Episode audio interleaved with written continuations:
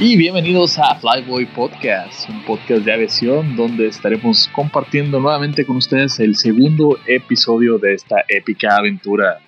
Hola, yo soy Joe Pollo y me acompaña del otro lado literalmente del mundo.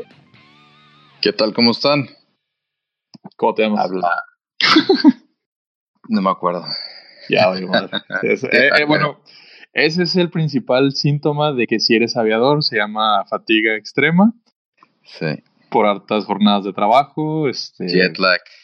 jet lag, eh, hipoxia continua y exposición a los rayos ultravioletas. ¿Qué tal? Soy Tony, este, mejor conocido en el redes sociales como Piskis. De hecho, yo tengo que cambiar mi, mi nickname de Insta. Está muy formal. Tengo que poner algo de Piskis related. Sí, ya, ya. ¿Cómo estás, ya. pollo? ¿Cómo estás, bro? Todo, todo muy bien acá del, des- de este lado de la frontera donde la vida es bella, Eso. excepto cuando vas a cruzar porque son como cuatro horas de fila. Oye, pero ¿qué eso- pedo con eso? Es un tema ahorita Sí. este, de negociaciones binacionales entre las altas jerarquías Sí. que honestamente Muy están, políticas. Sí, están muy arriba de mi nómina, entonces no puedo opinar. Sí, pendientes con eso, pendientes. Pendientes, pero fuera de eso, pues creo que es más rápido llegar a Chihuahua en carro que al paso. Fácil. Fácil. Problemas. Oye, no problemas estaría mal poner un este un charter ahí, en una 172 de aeropuerto a aeropuerto. Sabes que sí lo pensé y de hecho estuve hablando con dos o tres personas que tienen eh, aviones pequeños, monomotores, mejor conocidos como la avioneta. Ajá. Y el problema es que tampoco hay mucho personal de border en los aeropuertos en- y te dan, tienes un tiempo de espera como de media hora para que vayan y te atiendan. Ah, Sí, o sea, es un, es un problema general de CBP en todas las áreas. es un problema de falta de personal. O no falta, según entendí, no es falta de personal per se, sino des- desviaron el personal para atender otros, te- otros, sí, otros temas, otras prioridades. Entonces no hay gente que atienda. Y esa es Muy una de las broncas. Entonces, este, la opción sería el tren bala. Por el drenaje. sí, por el río Bravo. Pero Ya como sé. ahorita no tiene agua, pendientes. Una trajinera. Oye, antes que nada, una disculpa a todos por la tardanza entre episodios, pero eh, hemos tenido muchos, muchos, muchos vuelos. Se vino la temporada de Semana Santa, eh, regreso de vacaciones, salida de vacaciones, etcétera. Normalmente en este lado del mundo mm, hay mucho más que eso, más que lo las, las típicas temporadas que, que vivimos en México acá es básicamente mundial. Entonces hemos tenido mucho, mucho trabajo y estar a punto de cerrar la pista, entonces vamos a tener más trabajo todavía. Pero aquí estamos, al pie del cañón, con un episodio más. Hijo, me imagino los tiempos de espera van a estar sabrosos. Los holding times. Fíjate que, fíjate que la, la vez pasada que cerraron la, la, la otra pista, lo organizaron muy bien. Este, no hubo casi demoras, obviamente cortaron muchos vuelos, este, bajaron muchos aviones a, plataformas, los pusieron en otros aeropuertos. Ahora sí, para una, como le ponen en la bitácora, long wash, los lavaron con calma y este, estuvo muy bien. Ha, ha habido, ha habido peores. Se pone peor aquí cuando cae una gota. bueno, sí, para ser- no, se vuelve un caos. O sea, es muy, muy raro, ¿no? Que, que tengas lluvia allá.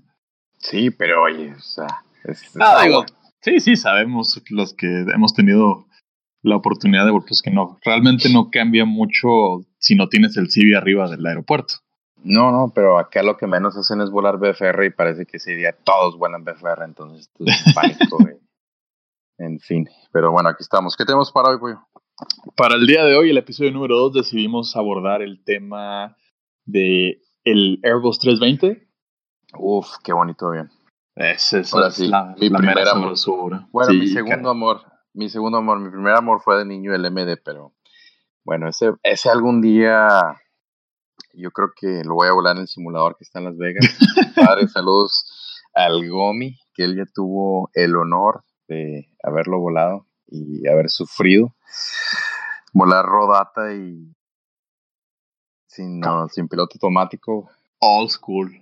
All school. Y no, chulada. Pero bueno, 320 es el día de hoy. Avionazo. Pollo, ¿lo volaste cuántas horas? Ah, tengo cerca de 3.000 horas de vuelo del 320. Sí, también. cerca de 3.000 es una oscilación entre 50 y 3.001. sí, no, más o menos. sí, más o menos.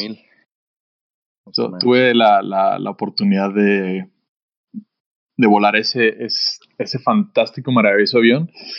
Eh, como crecimos en trabajando en aerolíneas, también conocí de cerca la operación y el, eh, el teje y maneje del C-37 NG 700 y 300, pero Correcto. en mi opinión el 320 se lo lleva de calle. Bueno, eso es un tema muy... Sí, que levantámpula, levantámpula, este, no vamos a aplicar el, el, no vamos a, vamos a, vamos a bajar el 737 a donde ahorita está, en tierra, puro. Sí. Qué triste. Está, está todavía abierta la herida para muchos. Sí, sí, sí. Ese es, ese es un buen tema para, para otro capítulo, fíjate.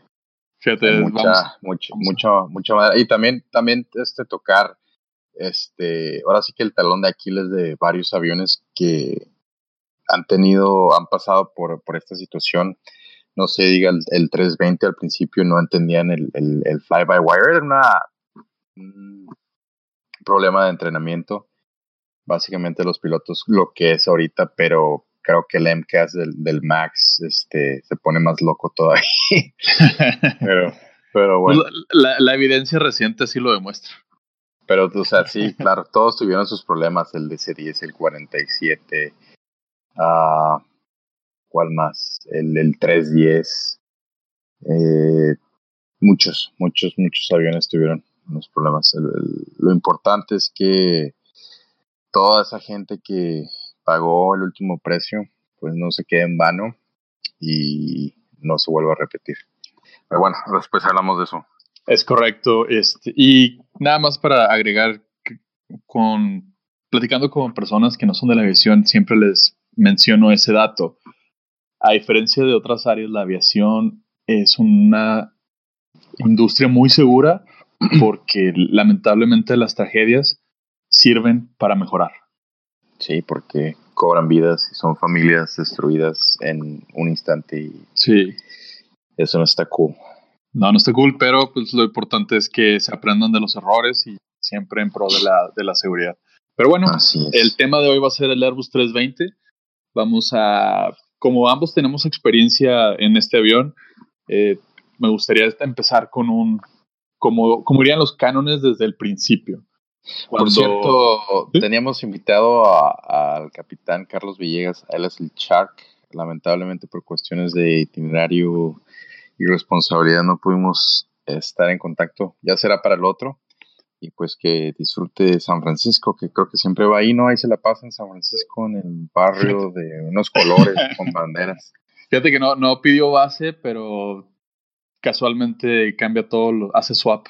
hace swap para SFO, SFO. Saludos al Shark. Saludos, eh, Ojalá próximamente lo podamos volver a, tener para que se defienda. Sí. derecho de réplica. Eso. Cuando transicionamos, ambos tuvimos la, oportunidad de pasar de la escuela al 320 y esa oportunidad se dio en forma de una transición que se llama el Enter Level Training. Eh, cuando tuvimos esa, esa oportunidad de entrenamiento, nos enseñaron a la literal a aprender a lo que era la cabina de cristal y un, jet. ¿Nos podrías platicar un poquito más de lo que te tocó a ti, empezando con que fuiste del primer grupo en México que tuvo esa oportunidad? Eh, o de Interjet, por lo menos. Sí, sí, sí, Interjet. Fíjate que estuvo muy bien, muy bien estructurado y tuvimos este, ahora sí que el honor, el privilegio es el primer grupo. Gracias nuevamente al capitán Fidel Chan, al capitán Osorio y a gerente de operaciones en ese tiempo, Pulido, eh, por darnos la oportunidad. Fue en, en, en combinación con una escuela en Peralvillo, no recuerdo cómo se llama. HM. HM, ok en la cual nos dieron una introducción a lo que es básicamente la cabina de cristal basada en, un simulador muy padre del 737NG y en el cual tuvimos prácticas este, y más que nada una introducción al, al EFIS, al SOP de aerolínea, a los flujos, memory items como dato básico general. Después yo creo que lo que nos ayudó muchísimo fue que tuvimos muchas piernas de observadores y ya en la línea, en el jump seat, este, ya con los manuales y todo, empiezas a relacionar. Entonces, para el tiempo en que nos mandaron a, Miami, al Airbus Training Center, y ya llegamos con una idea más amplia de qué era la, operación en sí y, cómo estaba relacionada con, con las diferentes fases de operación del, del, avión. Entonces yo creo que eso ayudó mucho y fue, lo siento, un proceso obviamente no fue fácil, pero tampoco fue, no sé, como un ascenso a capitán acá o, o algo más, más, este, más pesado. ¿Tú cómo lo viste? Creo que la, la, experiencia que nos, nos, otorgaron también me tocó en HM, el, el HM capacitación, el entrenamiento, fue suficiente para no abrumarte de la transición de la escuela al, a un jet. Definitivamente los, los flujos, el, familiarizarte con una, una FMGC, este, te ayudó infinitamente. Yo que recuerde, no me tocaron muchos vuelos de observadores una vez salido de esa, de esa capacitación, porque creo que salí un día 7 de febrero y mi vuelo estaba para el 11 al Training Center de Miami. Entonces, nomás me subieron como a dos y vas. Y creo que eso sí hubiera ayudado mucho. Eh, afortunadamente, como yo no tuve tantos vuelos de capacitación, lo que tenía era línea directa contigo y te traía pan. Todas, las, todas las, llamadas de, oye, ¿y esto qué es? Oye, ¿y esto qué es? Oye, ¿y esto qué es? ¿Sabes qué, ¿Sabes qué me acuerdo ahorita que estoy haciendo memoria del, del primer simulador? Nos dieron un simulador como de free o sea, sin motion, sin nada, nada más siéntense y, despeguen.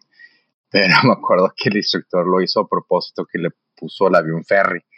Entonces pegué con toga y me quedé tan congelado de ver cómo aceleró el avión y haz de cuenta que fue thrust set, o sea, takeoff, thrust set, 100 knots, V1, rotate, y así se iba, ya estaba llegando al, flap speed y yo seguía en la pista.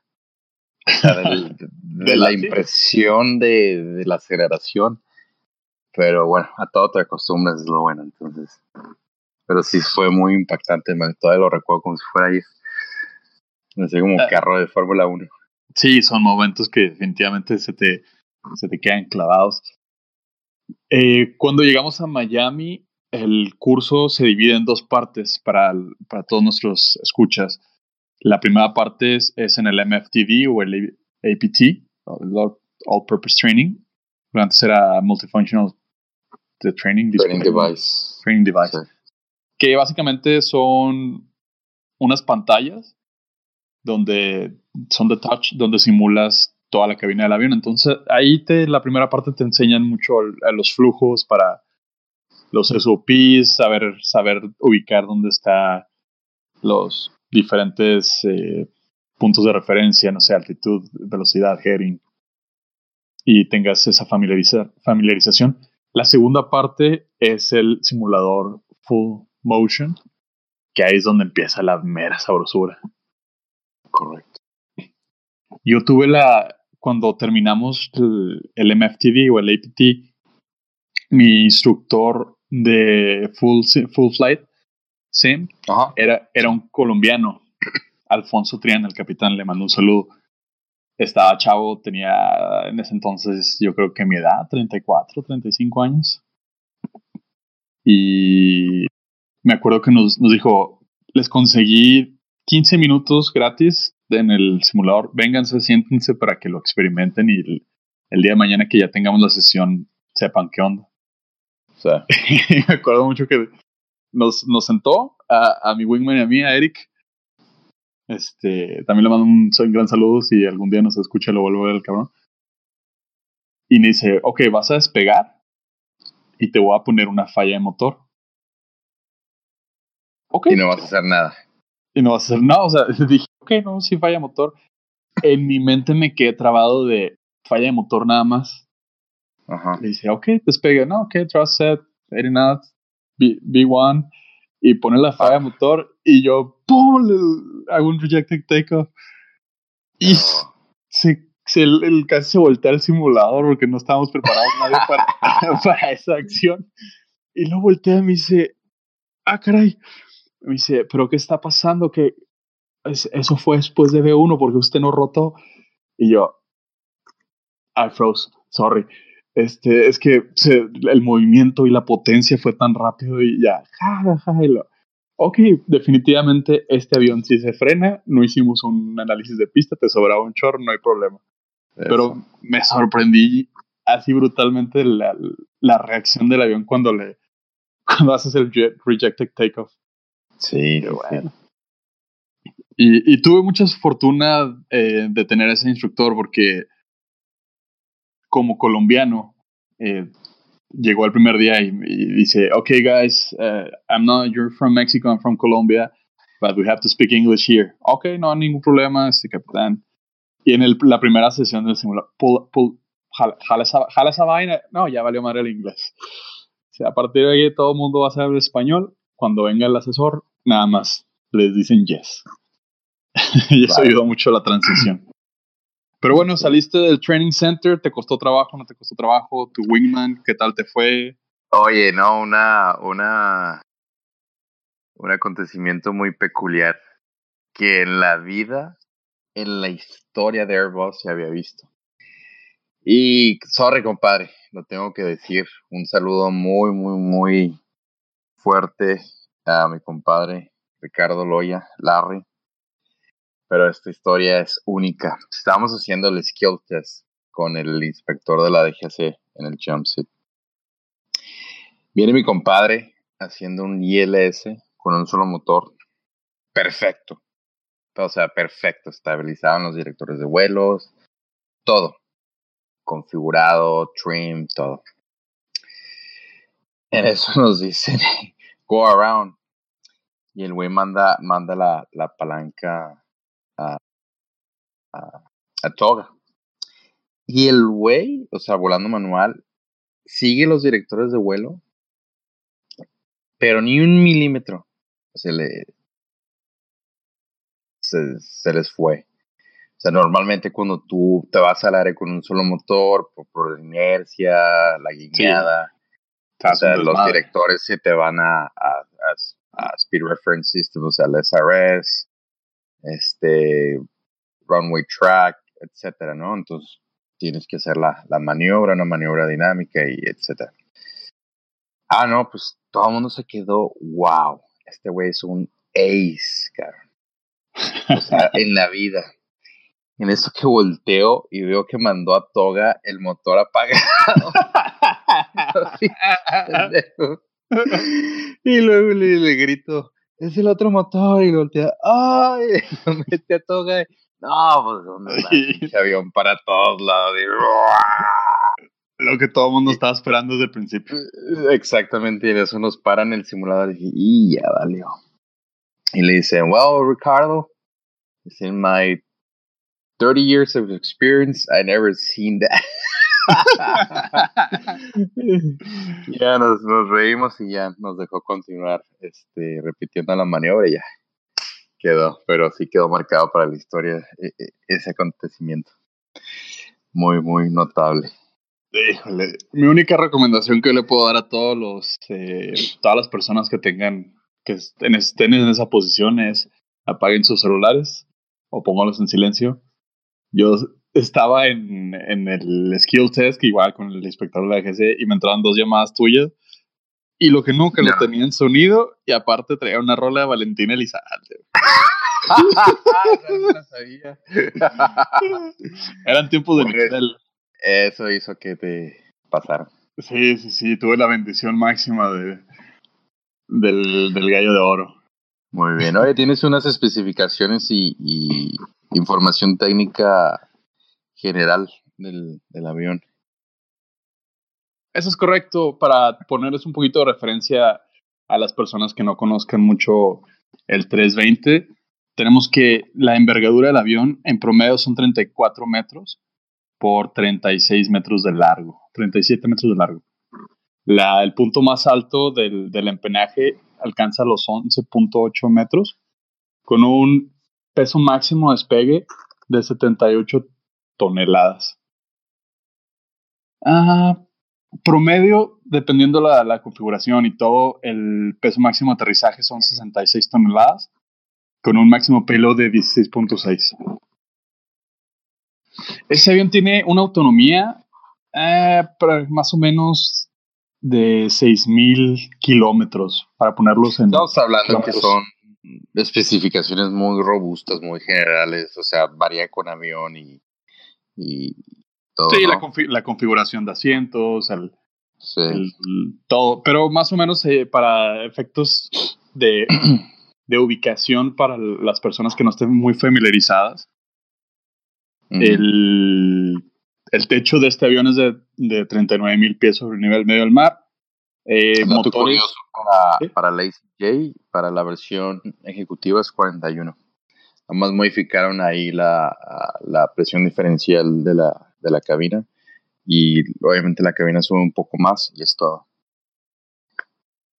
Eh, dato curioso, el ACJ, la versión ejecutiva del, el 319 básicamente de todos los modelos eh, tiene un techo de 41 mil pies y esto lo logran modificando la presión diferencial dentro del programa de presurización.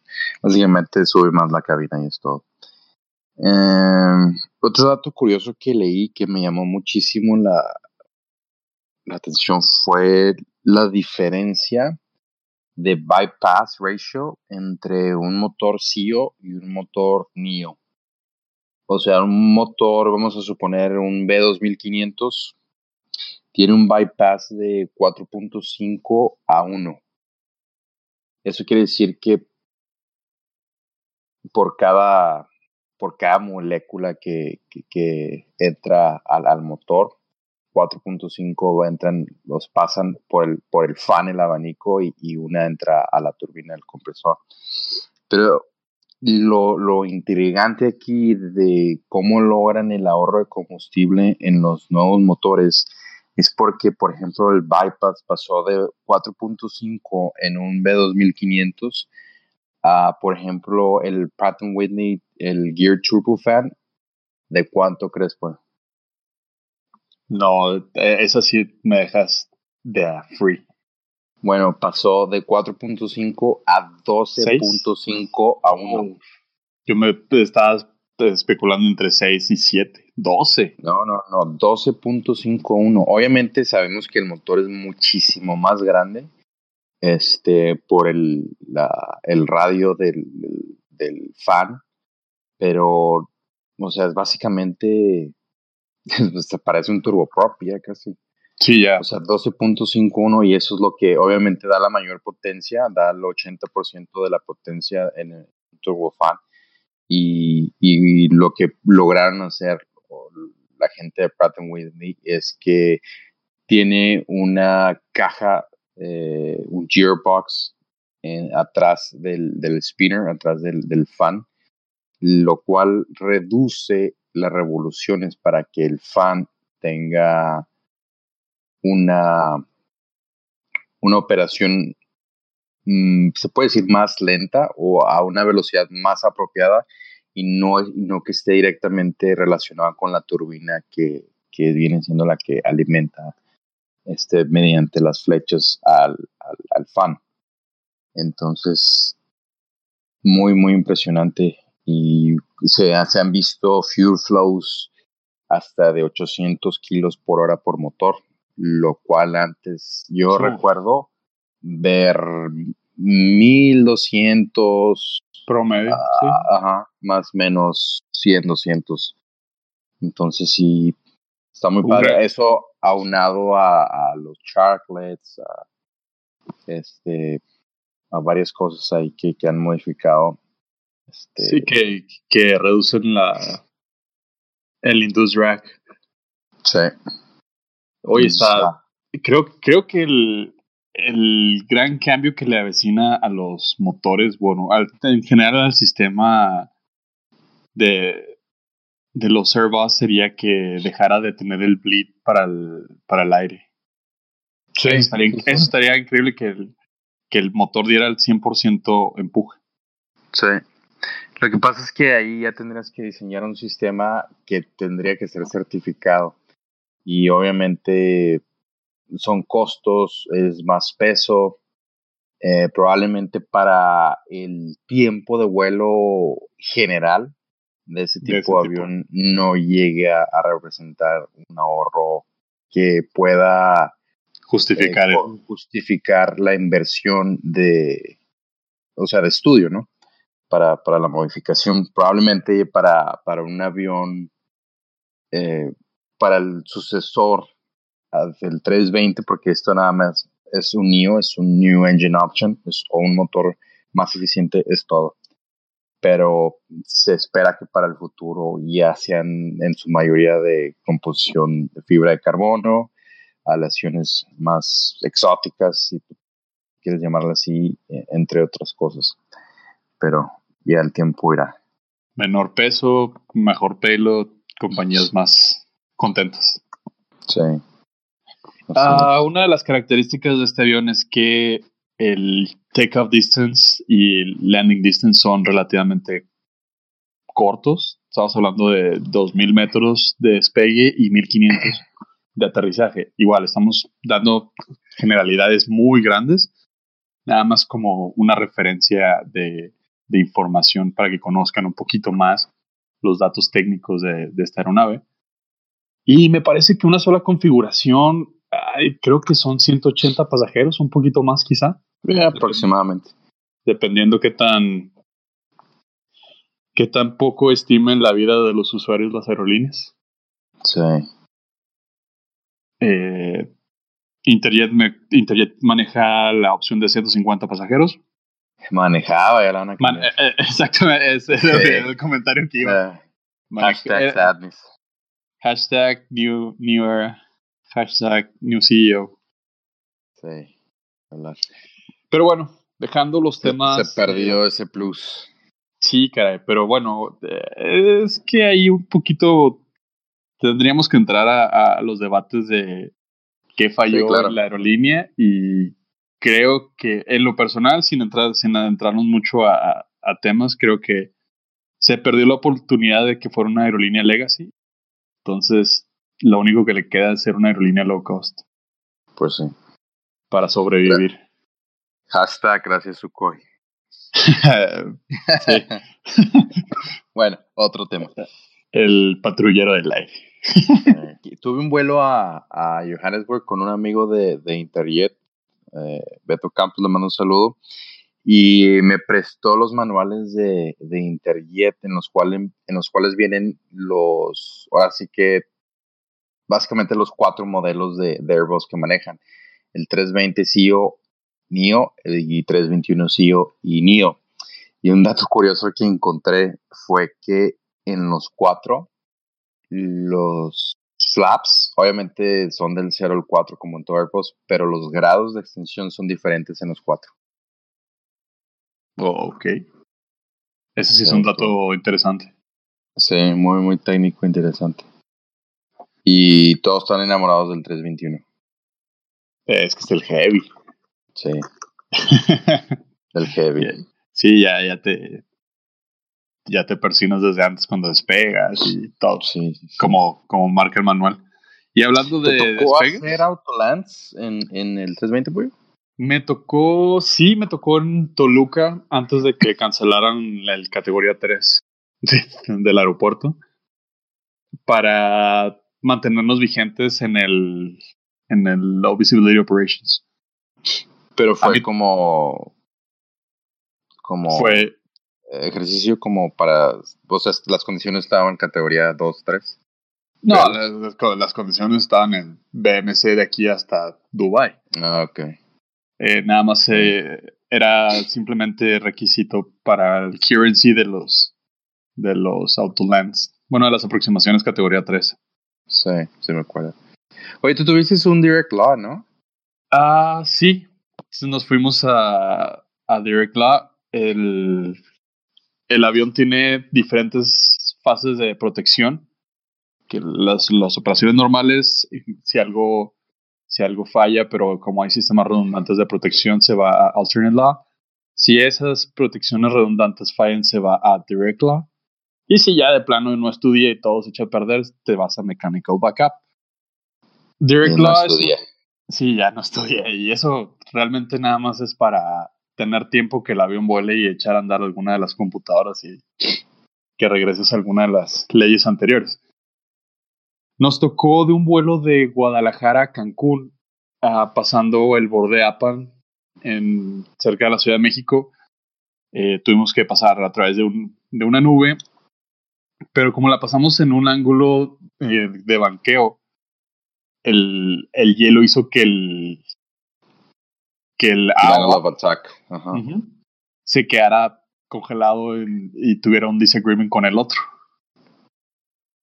Entonces la, la, computadora simplemente, perdón, el, el ICAM simplemente nos mandó Angle of Attack Disagreement y ya. Así que, ah, caray. Pues ya, como afortunadamente era un vuelo largo, pues, tuvimos tiempo de revisar los manuales y, ver qué, qué, podíamos esperar. Como estábamos ya en Alternate Lab, al momento de bajar el tren de aterrizaje, nos pasamos a Direct Law. Y es una de las maniobras que básicamente es la maniobra de, de simulador.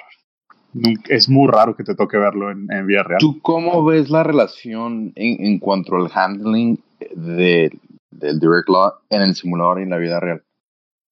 Totalmente fuera de, realidad en el simulador.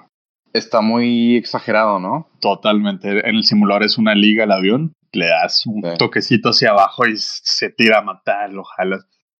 Y yo no lo, yo no lo aterricé, obviamente el, el comandante asumió la responsabilidad, pero sí le pedí la oportunidad de sentir el avión en Direct Glide. Ajá. Era una aproximación larga, de todas maneras, desde que bajas del tren te vas a Direct Glide, estamos en condiciones OMC en, en Cancún y me cedió el control para probarlo y definitivamente no es nada del otro mundo el Direct Law.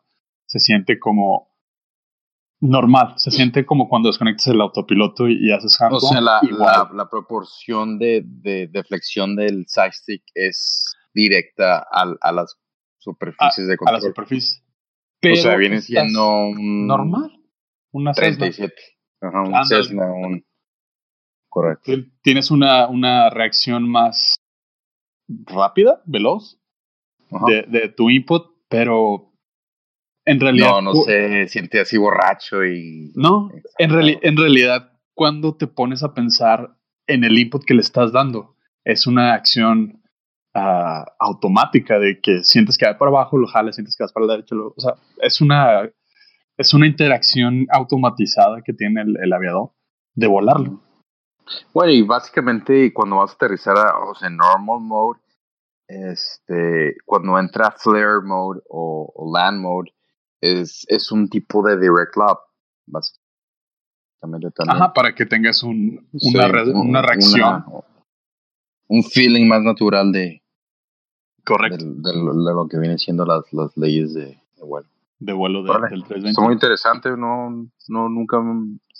Nunca te ha tocado la, Sácale, sácale el, un fact y cuando bajes del tren ya estás. no se diga más. No se diga. Digo, en tu caso va a ser un poquito más interesante porque pues yo aterricé en ese, me acuerdo que estábamos sobre las 60 toneladas. ¿Tú vas a aterrizar sobre qué? ¿Las 400 cigarros? Ah, normalmente tratamos de aterrizar por debajo del max landing weight que es 395. Entonces, sí, pequeña diferencia entre una y otra. Pero, ¿te acuerdas tú qué memorias tienes de, de algún consejo de, de cómo, cómo embellecer el aterrizaje, cómo sí, el avión? Sí, Fíjate que voy, a descubrí, Ajá. Eh, no, no es porque seas mi bro, pero tenías uno de los récords en Interjet de, de ser de los primeros oficiales, porque fuiste primer oficial allá, que mejor aterrizaba el avión. Y eso me lo contaron varias personas eh, de diferentes ocasiones, entonces no, no fue una apuesta ni nada. Eso. Compártenos tu, tus tips, tu, tu experiencia. Me acuerdo mucho que te pusiste medio azul la vez que tuve un vuelo a, a, Juárez. Y, no, medio, se, se, me fue el... Ahora sí que los ojos se me fueron al piso. Creo, creo que me salió mi primera cana. Sí. Eh, para los que nos están escuchando, tuvimos un radial a, Juárez, iba con el capitán Memo Franco. Saludos, Memo, ahorita está en, China comiendo noodles. Este, y en el regreso viene mi hermano como TBC, tripulante viajando en cabina, para reintegrarse a la base, para continuar con sus, con sus vuelos, ¿no? Entonces hice la aproximación a la 5 izquierda. Y aquí viene, aquí viene el, el, el, secreto. Me tomó tres años llegar a, a, este, a esta técnica. Lo que yo aprendí durante esos tres años y deduje fue que lo que te mata el aterrizaje es el autotrust. Para empezar, no está cool que te diga que eres un retard, un retrasado, ¿no? Bueno, a veces sí está cool. Eh, sí. este, bueno, a mí me, me caga, güey. y luego, o sea, me queda escucharlo más de una vez, porque es un recordatorio, es un recordatorio. Pero hay personas, hay pilotos que piensan que es una canción de amor dirigida hacia ti, que nunca le quites la potencia hasta tocar. yo, lo, yo, lo, yo lo definiría como hay personas que piensan que es mandatorio que en cuanto lo escuchas, ¡tas! Lo cortas. Bueno. Porque están las dos, están las dos atenuantes. Sí, sí, sí. Este. Bueno, aquí va. Hay una diferencia que muy, muy poca gente sabe. El B-Approach, el B-Ref que te da el MacDo, ese viene de una base de datos que está en relación a los pesos que introdujiste en, la página de, de Funeral Load, ¿no? Simón. Ok, eso es así de simple. El avión, ser un excelente avión, un avión muy inteligente, usa los ángulos de ataque, usa la presión atmosférica, la velocidad, los todo para darte un BREF bajo esas condiciones, ¿sí? Por ángulo de ataque básicamente y velocidad. Entonces deduce que tienes un peso estimado. Esa velocidad se ve reflejada en el VLS, es por eso que muchas veces encuentran la diferencia del BREF del MAC2 al BREF que viene representado en el PFD bajo el BLS, que viene siendo solamente 1.3 veces la velocidad de desplome, que es la, regla general de, un BREF, ¿no? A eso obviamente le agregas la componente de viento, los cinco nudos del autotrozo. Ok, para empezar, yo siempre bueno, todos sabemos que, los pesos que se usa para el despacho son, son pesos genéricos, ¿no? O sea, 85 kilos para eh, un pasajero hombre y 75 para una mujer, varía, ¿no? Dependiendo de las políticas de la empresa. Pero pues también sabemos que no siempre es un peso exacto y por lo general el avión va más pesado, pero dentro del diseño se, se consideran esos esos parámetros y esos márgenes. Pero yo siempre me, enfocaba, me enfocaba por el, por el BLS y al BLS le agregaba el, la diferencia al, de los cinco nudos o el viento, la corrección equivalente, y se los ponía como hard tune en, el, en la página del, del approach bajo, bajo el B approach, ¿no? Entonces ya, ya tenía un margen más real sobre el BLS, sobre mi BREF de lo que el, avión pesaba. A eso quiero explicar un poquito ahorita lo que hace el autotross. Cuando tú empiezas a bajar los flaps, el autotross cambia de modo y se va a un modo más reactivo. Obviamente por cuestiones este, lógicas, necesitas la potencia eh, más rápida disponible para ti en caso de que te tengas que ir al aire, etcétera, ¿no? Entonces, la reacción es, más rápida. Al tú aterrizar con el autotrost, la tendencia natural es incrementar el ángulo de ataque para reducir el, el régimen de descenso y hacer un aterrizaje más suave, ¿no? Pero tú al incrementar el ángulo de ataque, la velocidad cae. Entonces la velocidad al caer, el autotross entra y te acelera el, motor. Por la posición de los motores, como están en el ala, tiene una tendencia a subir la nariz. Obviamente son cuestiones de microsegundos, eh, variaciones mínimas, pero, pero las hay. Entonces, o sea, si tú dejas, vas a aterrizar, incrementas el ángulo de ataque para reducir el, régimen de descenso y dejas el autotross, los motores se van a acelerar, acelerar, acelerar hasta que llega un punto en que equilibren el, drag contra el, el, empuje.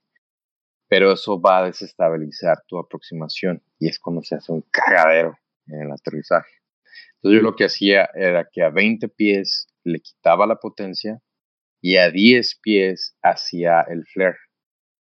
Entonces tenía 10 pies de, margen donde el avión seguía en su descenso normal de 3 grados y ya el flare era, era en, potencia aero, entonces era un, un flare muy lineal, no había alteraciones por vectoriales por cuestiones de empuje. Entonces se daba a a, tener mayor control de, de, del aterrizaje. ¿Y por qué le hacía el, flare tan bajo? Obviamente para no matar la potencia, porque le quita, para no matar la velocidad, perdón, porque le quitaba la potencia a 20 pies. Eso a mí me funcionaba, no estoy diciendo que esté escrito, no estoy diciendo que tú lo hagas, pero eso a mí me funcionaba y pues te lo comprobé ahí en la 5 izquierda que pensabas que me iba a estrellar y, se embarró súper, súper bonito. Para dar, para dar una traducción no tan técnica de todo lo que acabas de decir, lo que haces es dejas que el avión llegue realmente muy, muy cerca de la pista hasta antes de tomar una, una acción de levantar la nariz para suavizar el aterrizaje. En teoría, con todo lo que nos dices, es exactamente lo que sucedió. Así sucedió, así fui testigo. Sin embargo, el margen de error es muy, muy poco. Eso sí. y este, corres el riesgo si, si tuviste una reacción medio tardía de meterle un reverendísimo madrazo. Sí, obviamente tienes que considerar muchas, este, muchos factores, ¿no? Sobre todo viento, temperatura, elevación, peso del avión, o sea, cuestiones naturales que, hace un piloto todos los días al aterrizar. Obviamente estoy diciendo que no es, no siempre va a salir. Si sale 8 de 10, ya estás del otro lado. No, claro, como bien se saben, los aterrizajes son como los hotcakes, por más que lo intentes, uno nunca va a ser igual al otro. Había otra técnica que esa sí nunca, nunca la pude dominar hasta que volé el 330 y el 340, que era antes de tocar relajar un poquito la, presión hacia atrás, o sea, de nariz arriba, para que baja la nariz, sube la cola, el empenaje, y como el, tren principal está atrás del centro de gravedad del avión, levanta un poco el, tren principal y toca con menos fuerza. Y también se sentía, se sentía súper, súper padre esos aterrizajes, pero eso sí, a mí nunca me salieron. ¿Sabes quién era muy bueno para eso? Baray, el paisano. Saludos. Yo, esa era la, técnica que al final terminé eh, adoptando para intentar hacer un aterrizaje más suave. El problema de esa técnica es que era, tenías que tener muy buen chocolateo del, del side stick. Sí.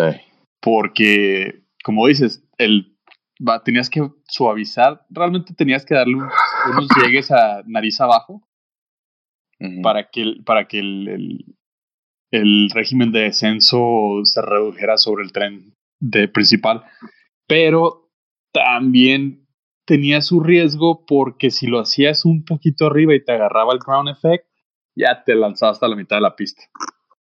Sí, correcto.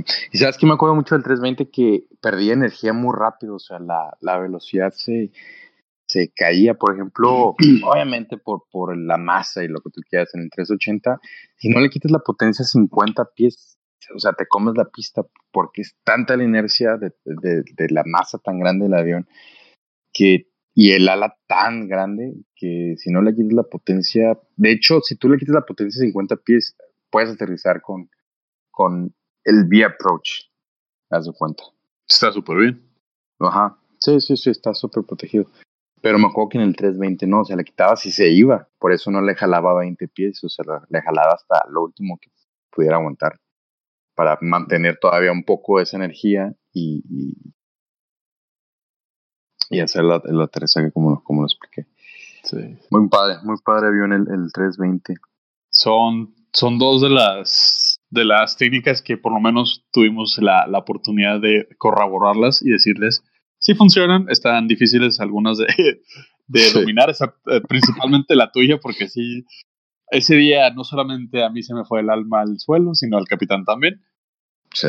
me acuerdo que los dos nos hicimos para atrás, así que, ay, ya valió madre. Sí. Y Pero... no, no, no fue. ¿Tuviste la oportunidad de despegarlo toga, avión ligero, el, el sí. 320? Sí, sí, sí. Es una sí, chulada. Sí, chulada.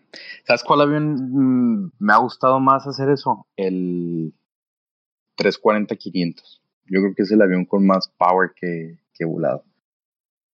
Sí, ya hay cuatro motorcitos y Sí, sí, sí. Sobra, sobradito. Muy sobrado, muy, muy sabe, sobrado. sabe sentir bastante. Sí, pero el 320 es súper padre también. No, me gustó, sabes que me gustaba en Interjet. Yo nunca tuve ningún problema de, de, mantenimiento.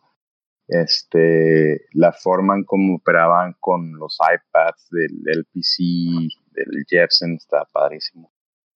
Lo, lo disfruté mucho, mucho, mucho, mucho.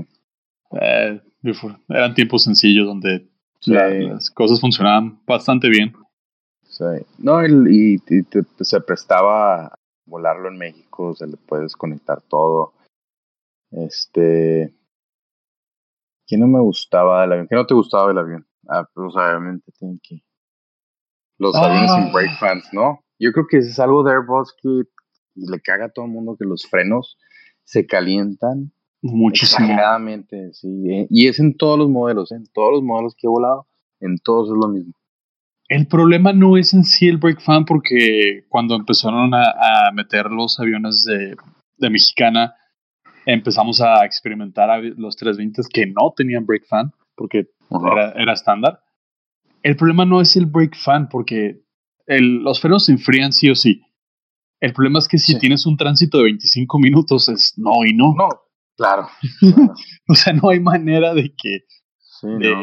de, que bajen de los 150 grados centígrados los frenos antes del despegue si aterrizaste en los mochis con 2000 metros. Sí. Otra cosa que no, no sé por qué nunca la corrigieron cuando está la temperatura arriba de 30 grados que tenías que dejar los flaps en uno para que hubiera sí. ventilación entre el slat y, y, el ala para que no fuera a detectar un, un leak, un air leak. O sea, bueno, así que corks and features, ¿no? Del, del sí, del, del 320. Del 320, 30 grados. Eh, cuando lo aterrizabas pesado, cerca del máximo aterrizaje, sí estaba, estaba interesante su, su handling.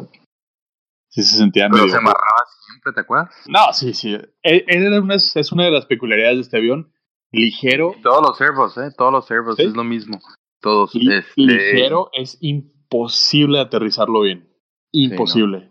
Pesado, solito, solito llega. Y luego con Flaps 2 que se, se inflaba, igual acá siempre. Sí, Flaps 2.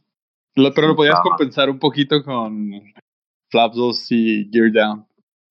Sí. Entonces, se inflaba y lo ya se aventaba en 1800 metros por minuto. Una, una cosa que corrigieron en los demás fue que, por ejemplo, en el, en el 320 no podías usar todos los speed brakes con el piloto automático puesto, ¿te acuerdas? Sí, ese nada más se despliegan hasta la mitad.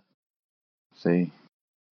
Entonces los tienes que desconectar para sacarlos todos y hacer la, la México 1 Alpha, el Flush One Wrap. Y esa era una preciosidad. Cuando se podía hacer, porque ahorita, te mandan un vector a Veracruz y luego te meten a la secuencia de, de, de, Datul. Datul. Ya no está tan sencillo. Ya no sé si existe Datul, pero eh, ¿Qué más? Eh, ¿Alguna de las diferencias que tú sientas más significativas eh, en el handling entre el 320 y el 330, 40 o el 380? Yo creo que el, 320 como fue el... Ahora sí que el, que inició el, el fly-by-wire, yo creo que es el... Igual porque es un narrow body, no es un wide body. El wide body por la masa, por la envergadura, todo tiende más a lanchear. Es, sus movimientos son más, más lentos, oscila más.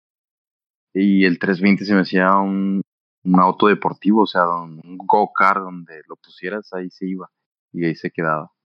Yo creo que el, el, el Five by Wire estaba más, más fino, yo creo, mejor diseñado para el, para el 320.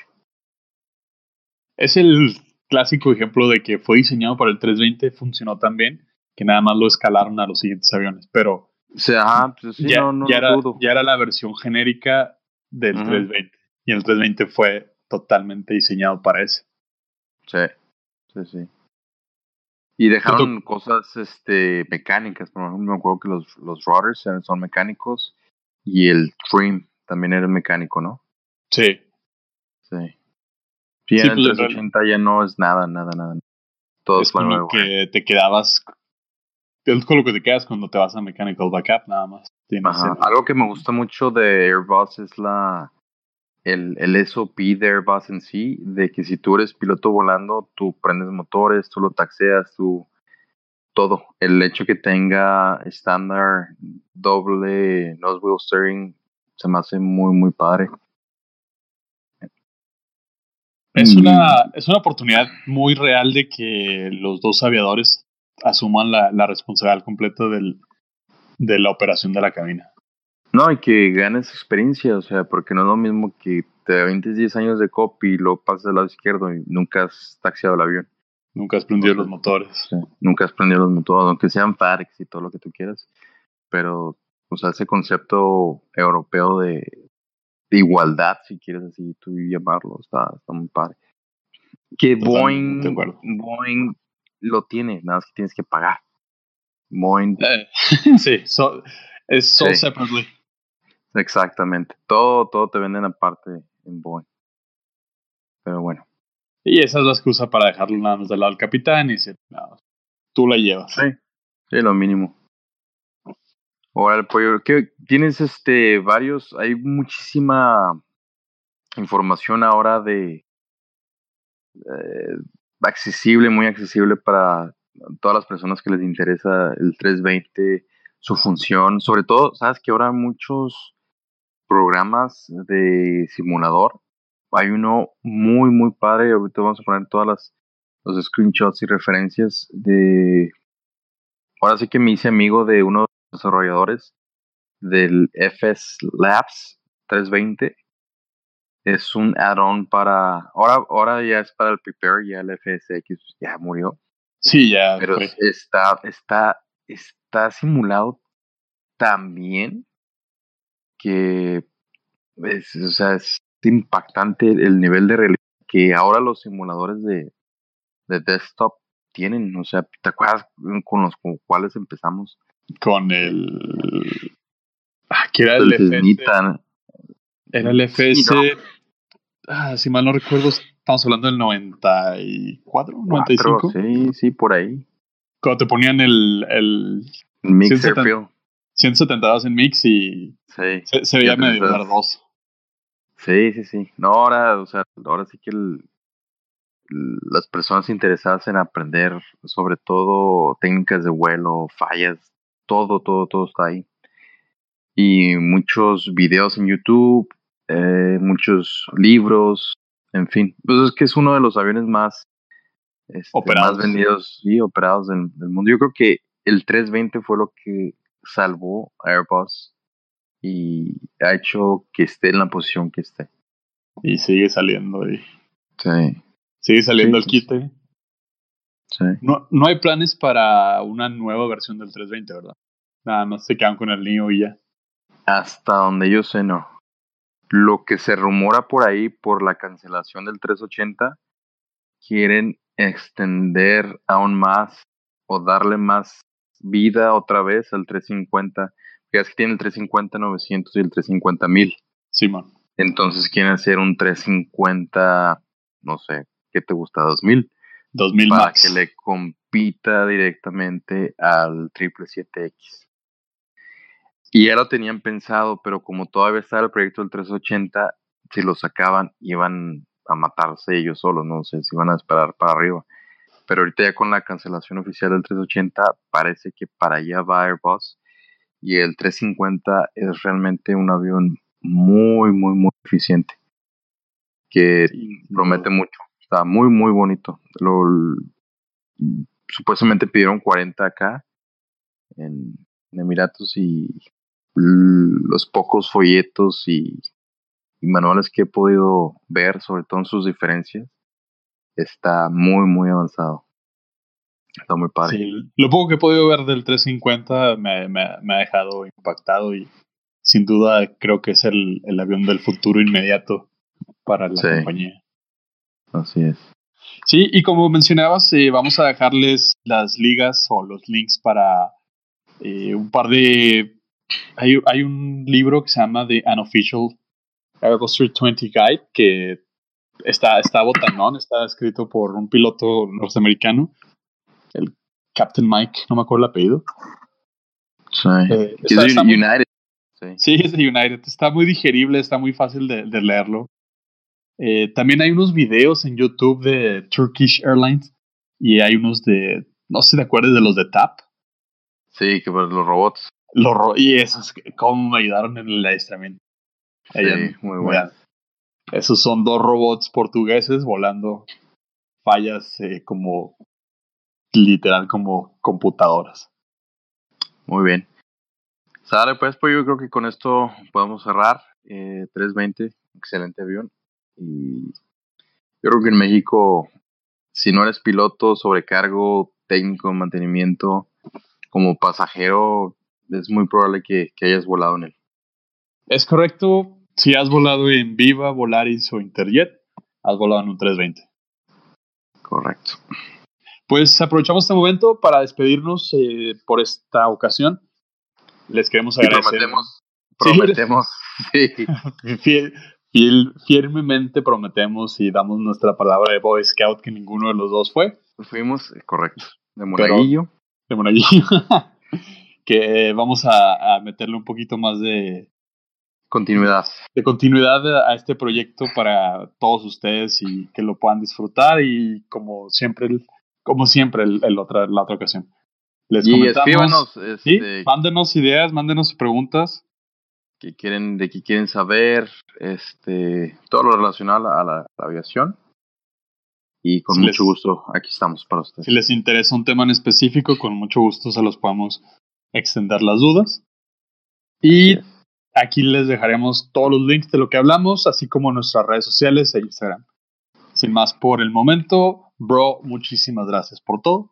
No, a ti, muchas gracias y pendientes hasta la próxima. Nos vemos. Buen Adiós, vuelo. adiós. Bye. Fly, oh, your plane, fly.